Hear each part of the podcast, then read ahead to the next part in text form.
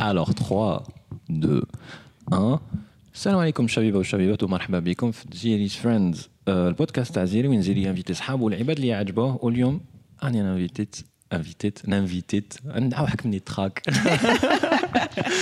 اي معايا امينه تاع الفا تونغو برودكتريس اي كوفونداتريس كو اونر تاع oui. الفا تونغو واش راك يا امينه Ça va et toi ça va super. Traque, je suis là, mais ça va. C'est moi qui suis censé être dans. Je sais pas, tu peux il y a une grosse grue, ma job, je je euh, un plateau de tournage et on est un plateau de tournage. Exact, exact. Alors, on a Alpha Tango. Voilà, Qui sont en préparation d'un tournage. Machin, le etc. C'est pas la peine. C'est clair. Amina. Présente-toi rapidement la caméra ou les gens les meilleurs. Alors, bah, bonjour, bonsoir. C'est à quelle heure que tu, que tu postes le. Je poste à 16h30 le 16h30. vendredi. Alors, bonjour. Donc, bah, alors, euh, Amina Salem Castin, je suis productrice en audiovisuel, euh, fondatrice, cofondatrice du studio Alpha Tango. Donc, on fait, euh, on s'occupe de tous les projets audiovisuels, que ce soit du documentaire, de la fiction, des pubs on fait aussi des événements culturels ici au studio, donc on invite euh, des, euh, on invite des artistes à venir euh, s'exprimer. Ça peut être. Euh, c'est la première, la première fois les Jitana d'Alpha Tongo, c'était mhm. pour le showcase Tajmawi Africa. Exact. Que vous pouvez retrouver euh, comme le lien à Alpha Tongo sur Instagram et sur Facebook. Ils postent plein de contenus super intéressants. Le Nas, les choses, même hein, l'audiovisuel, ils regardent les chauffe et ils haoussent Zaire parce que justement, vous faites des reportages et des documentaires. Mhm. En l'occurrence, Deltoma à la chaîne Voyage.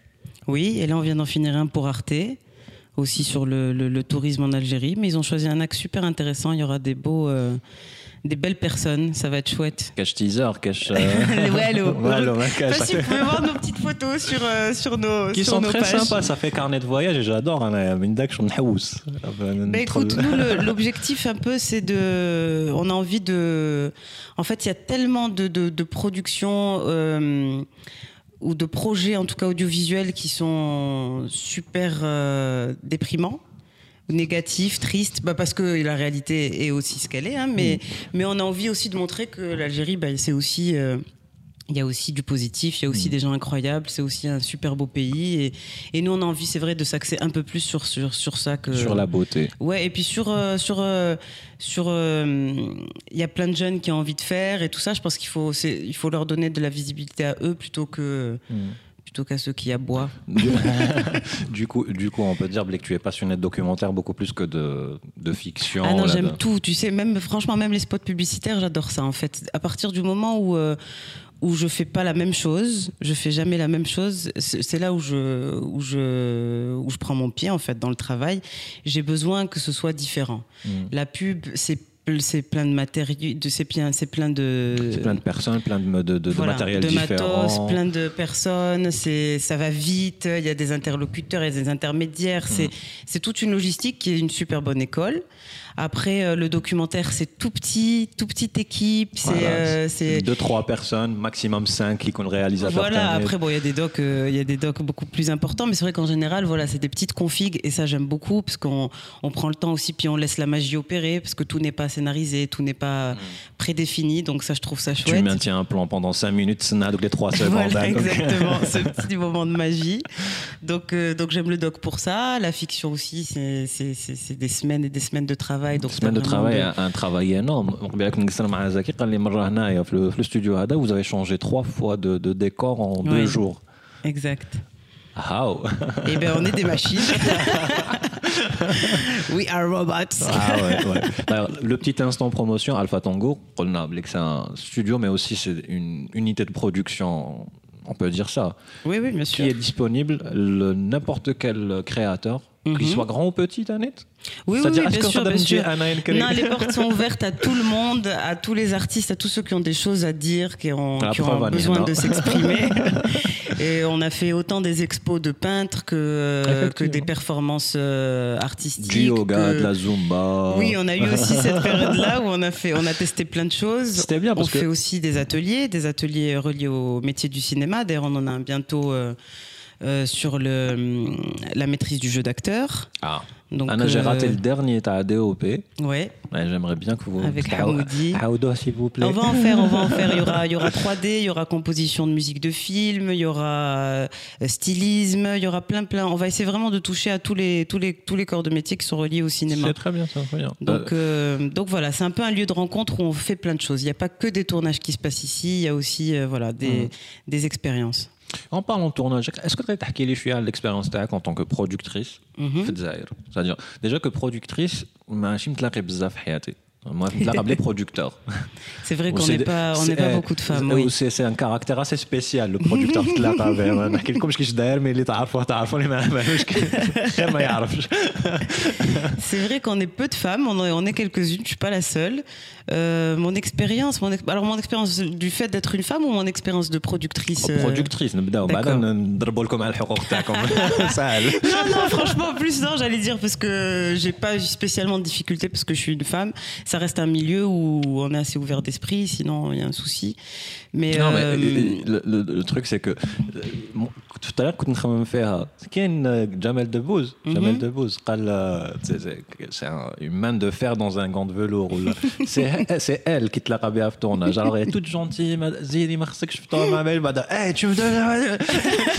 C'est parce que tu sais, c'est parce que tu sais allier entre les deux. C'est-à-dire que j'imagine que, mhm. mais quand il n'y a pas d'urgence ou là, tu sais faire la part des choses. Oui, oui, c'est super important déjà. C'est un peu pour ça que tu arrives à trouver l'art. Qu'il y ait du respect, qu'il y ait du respect entre, entre tout le monde. Mais après, oui, il faut, il faut que ça soit carré. Justement, les producteurs, les le respect, il n'est pas très, très présent. non, c'est super important pour moi que, que tout le monde se respecte dans l'équipe.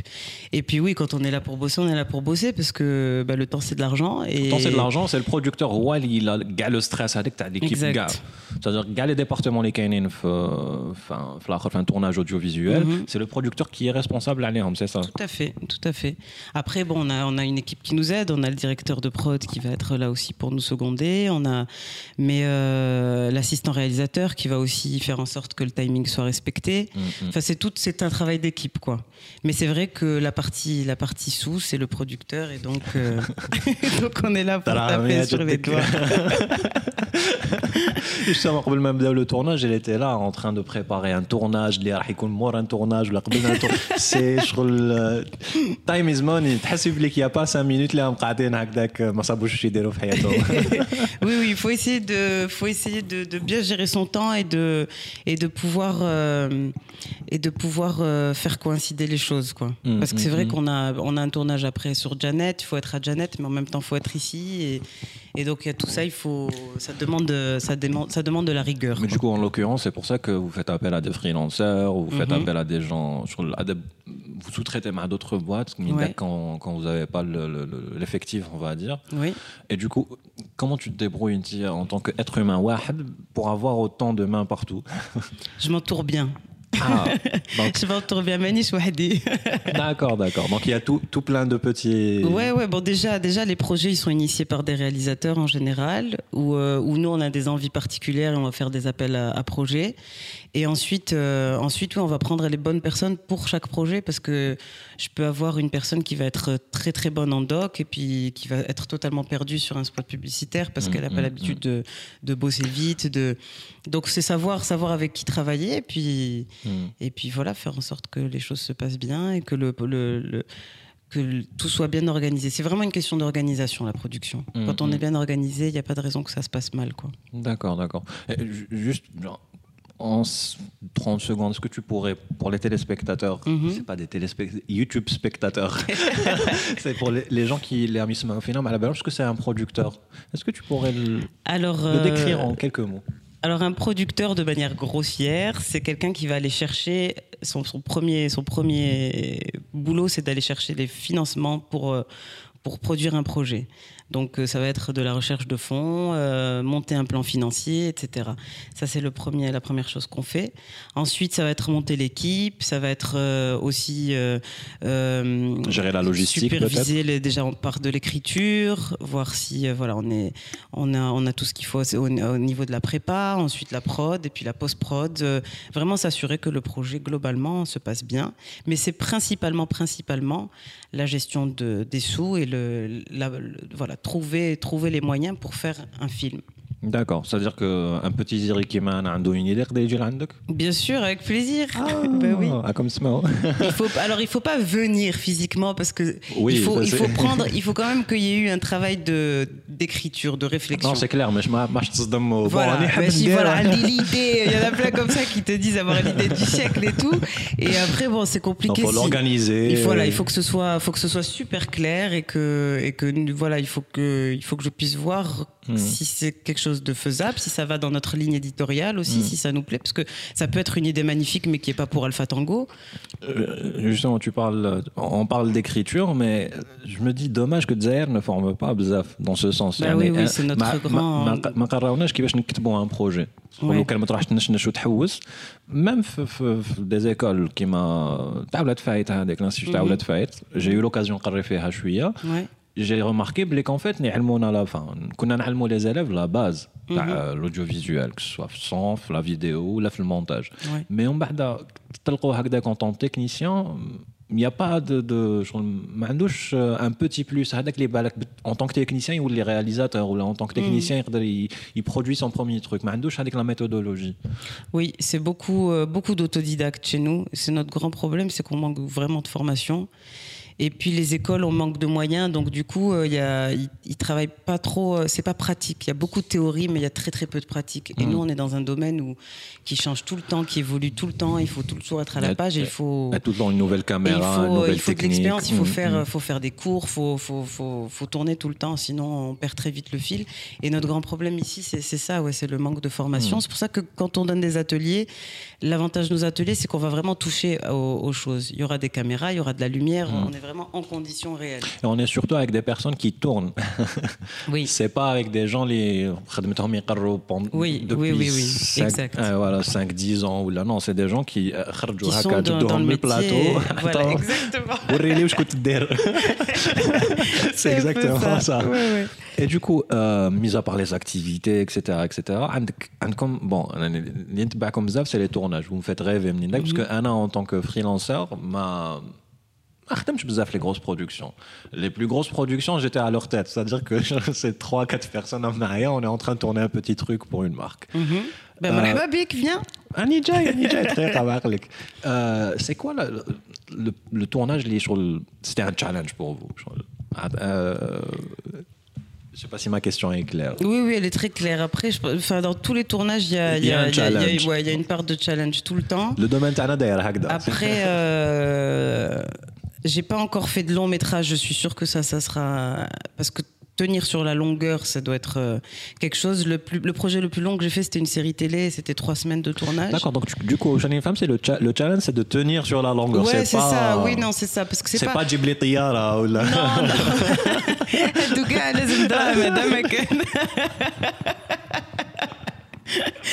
Mon état C'est pas, c'est pas trop. Non, le challenge, c'est si bon, on a le, on a le aussi ici, bon, en Algérie, on a le la paperasse qui est un grand challenge quand même. Euh, donc, euh, donc il y a cette partie-là, mais bon, une fois qu'on connaît, qu'on prend, qu'on prend le temps de, de, faire les choses, ça, ça, va. Mais ouais, il y a la partie paperasse, il y a la partie formation. Donc souvent, oui, on peut avoir, euh, on peut, avoir du mal à, trouver si période de Ramadan où il y a plein de tournages les meilleurs sont très vite pris, et donc du coup, on a du mal à, Surtout- à les remplacer. Surtout tout que les, ma- les marques prennent tout le temps les choses à la dernière, Dernière minute. exactement. trois mois avant. Exactement. Donc ouais, je pense que le plus gros challenge dans notre métier, c'est de, c'est, des projets à vraiment long terme, quoi. Faire, euh, faire du 6, 8 semaines, ça doit être intense, quoi. Mhm. Garder la, garder la motivation de l'équipe. euh, pense que c'est ça le plus, le, le, plus, le plus difficile. La matrelsohom surtout, parce qu'en général, le cachet. La matrelsohom, mais en général, le cachet aussi le mort. Alors, non, quand c'est, des, quand c'est des longues périodes, en général, c'est à la semaine ou au mois. Ils sont sympas. Mais après, oui, quand c'est, quand c'est une pub d'un jour ou deux, là, on, oui, bon, on c'est clair, c'est clair, mais, hein. mais, sinon, sinon, non, c'est. Du coup, c'est sur de la longue durée, tu peux pas payer. Tu peux c'est quel tournage les de 4 à 6, 6 euh, semaines De la fiction, du long métrage. Non, comme ah, chez nous, Ah, non, ok. c'est ce que je nous, chez nous, le, le plus long qu'on ait fait, c'est trois semaines, c'était une série télé. Ah, on avait fait Dardrouj. Tahar Doroch que je n'ai pas vu parce que ma sur chouche la Jazeera. Je sais pas si on peut parler, de, on peut se nommer des chaînes. De toute façon, elle est, elle est fermée maintenant, je crois. Ah, ah. T'es mince. Eh. Mais euh, ouais, ça c'était le plus, c'est le plus long qu'on ait fait. Mais là, on est sur deux, deux fictions, euh, dont une qui va pas prendre beaucoup de semaines et une qui va par contre être euh, assez rock'n'roll où il y aura du déplacement, dans, des, des scènes dans le sud et tout ça. Donc euh, celle-là, elle va être un peu Mm, mm. un- intense. Et, et du coup, quand il y a déplacement, etc., euh, et euh, genre tournage à l'extérieur, Ouais. vous vous débrouillez comment pour les autorisations? Est-ce que c'est facile à faire? Pas facile? Parce que le petit milieu à les freelanceurs, hein, tourner à l'extérieur, c'est. non, non, nous on peut, on peut. Si, si, les autorisations, elles se donnent. Il n'y a pas de souci. Quand on est une boîte de prod et qu'on a, mhm. est sérieux et qu'on a tous les papiers qu'il faut, il n'y a pas de raison qu'on ne nous le donne pas. Donc il n'y a pas de souci par rapport oui, à non, ça. Non, non, on, a juste à dire le nombre de, les endroits où on va être et puis c'est stipulé sur l'autorisation. Il n'y a pas d'anecdote euh, parce que je euh, des anecdotes de tournage, mais beau, je j'en demande. Non, des anecdotes de tournage. Euh, parce qu'on a ma Amina, je peux t'en donner. Écoute, là, comme ça, j'en ai pas une qui me vient à l'esprit, mais, mais oui, il y, en a sûrement plein après. Je sais pas si je peux les partager. voilà, jusqu'à elle. C'est quoi le. Écoute, euh, passons à autre chose, Mbat, si ça vient. Ah. Pour l'instant, tu m'as pas encore eu. ah bah c'est foutu alors en podcast. Alors, on va finir à 20 minutes parce que j'ai pas eu d'anecdote. Euh, oh, sincèrement, c'était en fait ça le truc. L'écoute, C'est. Euh,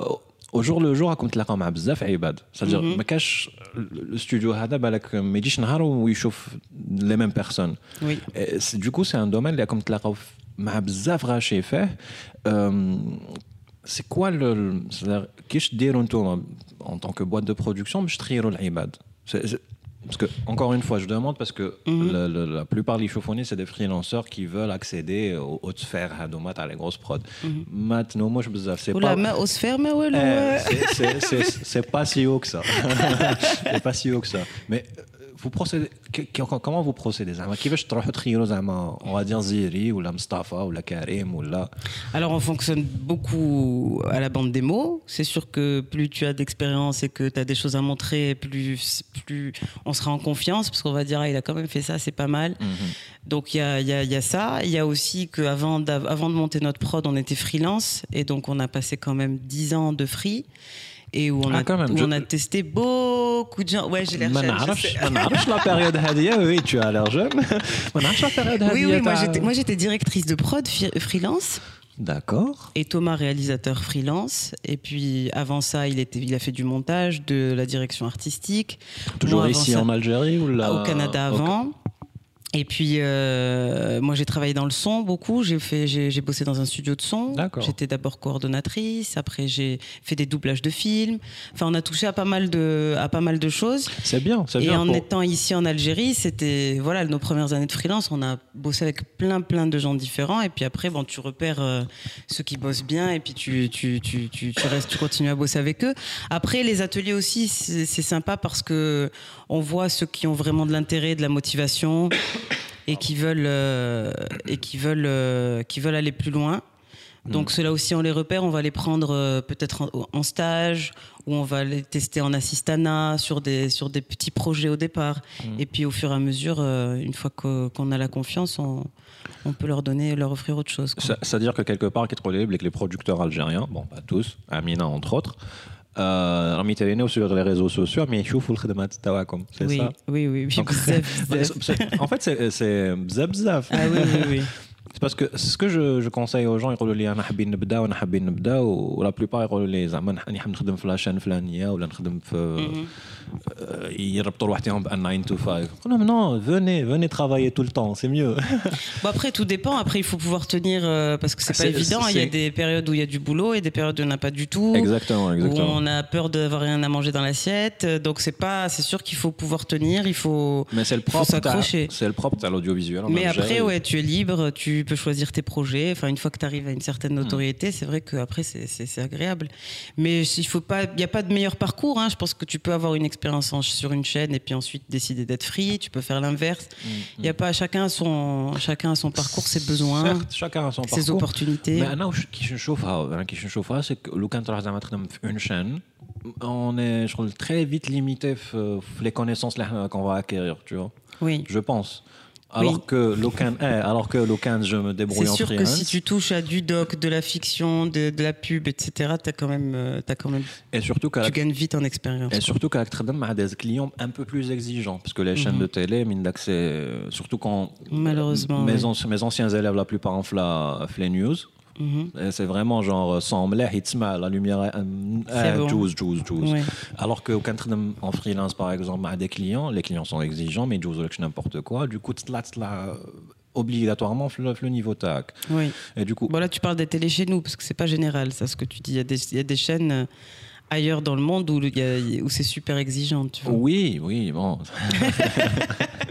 Je suis désolé, l'audience taille, elle est algérienne, il y en a qu'à Zaïre. D'accord, elle est d'ailleurs. C'est Euh. ça, non, parce qu'il faut pas, il faut pas critiquer la télé. Je pense que la télé, elle a du, elle a du bon aussi.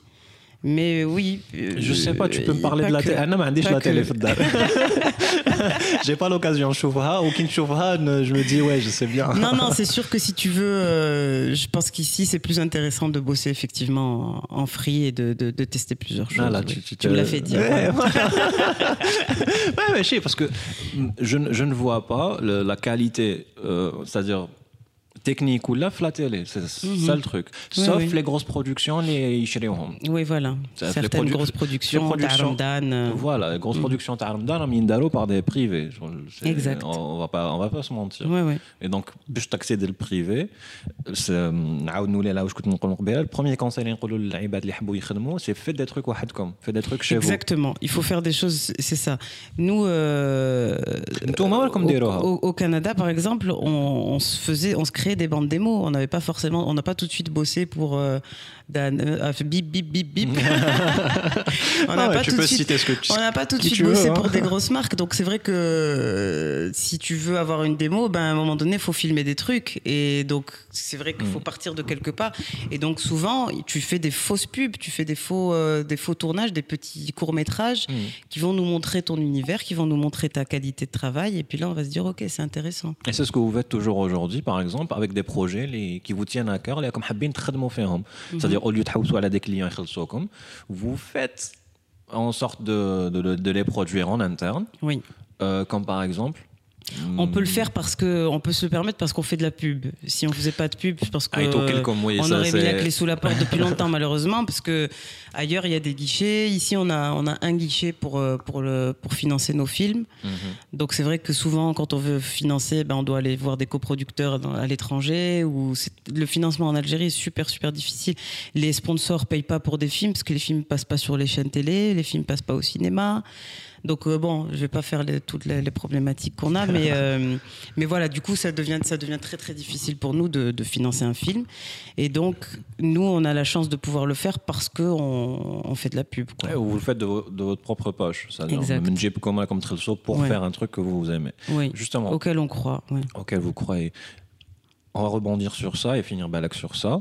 Euh, Alpha Tango c'est votre projet à vous deux, c'est Amina et Thomas, c'est le Alpha et Tango. Voilà. euh, ça serait quoi, genre, le projet TAC C'est-à-dire, le projet, les on va dire mm, 2022, à 2022. Alors, euh, oui, ça, j'ai vraiment la réponse à cette question. J'ai ah. envie.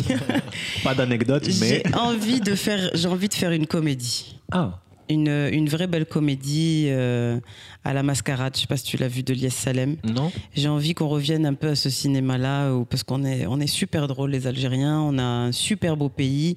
Et j'ai envie de faire un truc, voilà, un truc euh, dans lequel on se détend. Pas un film facile ou simple, mais un, un film, euh, une belle comédie, quoi. C'est très bien de parler du terrorisme, c'est très bien de parler de tout ce qui va mal, etc.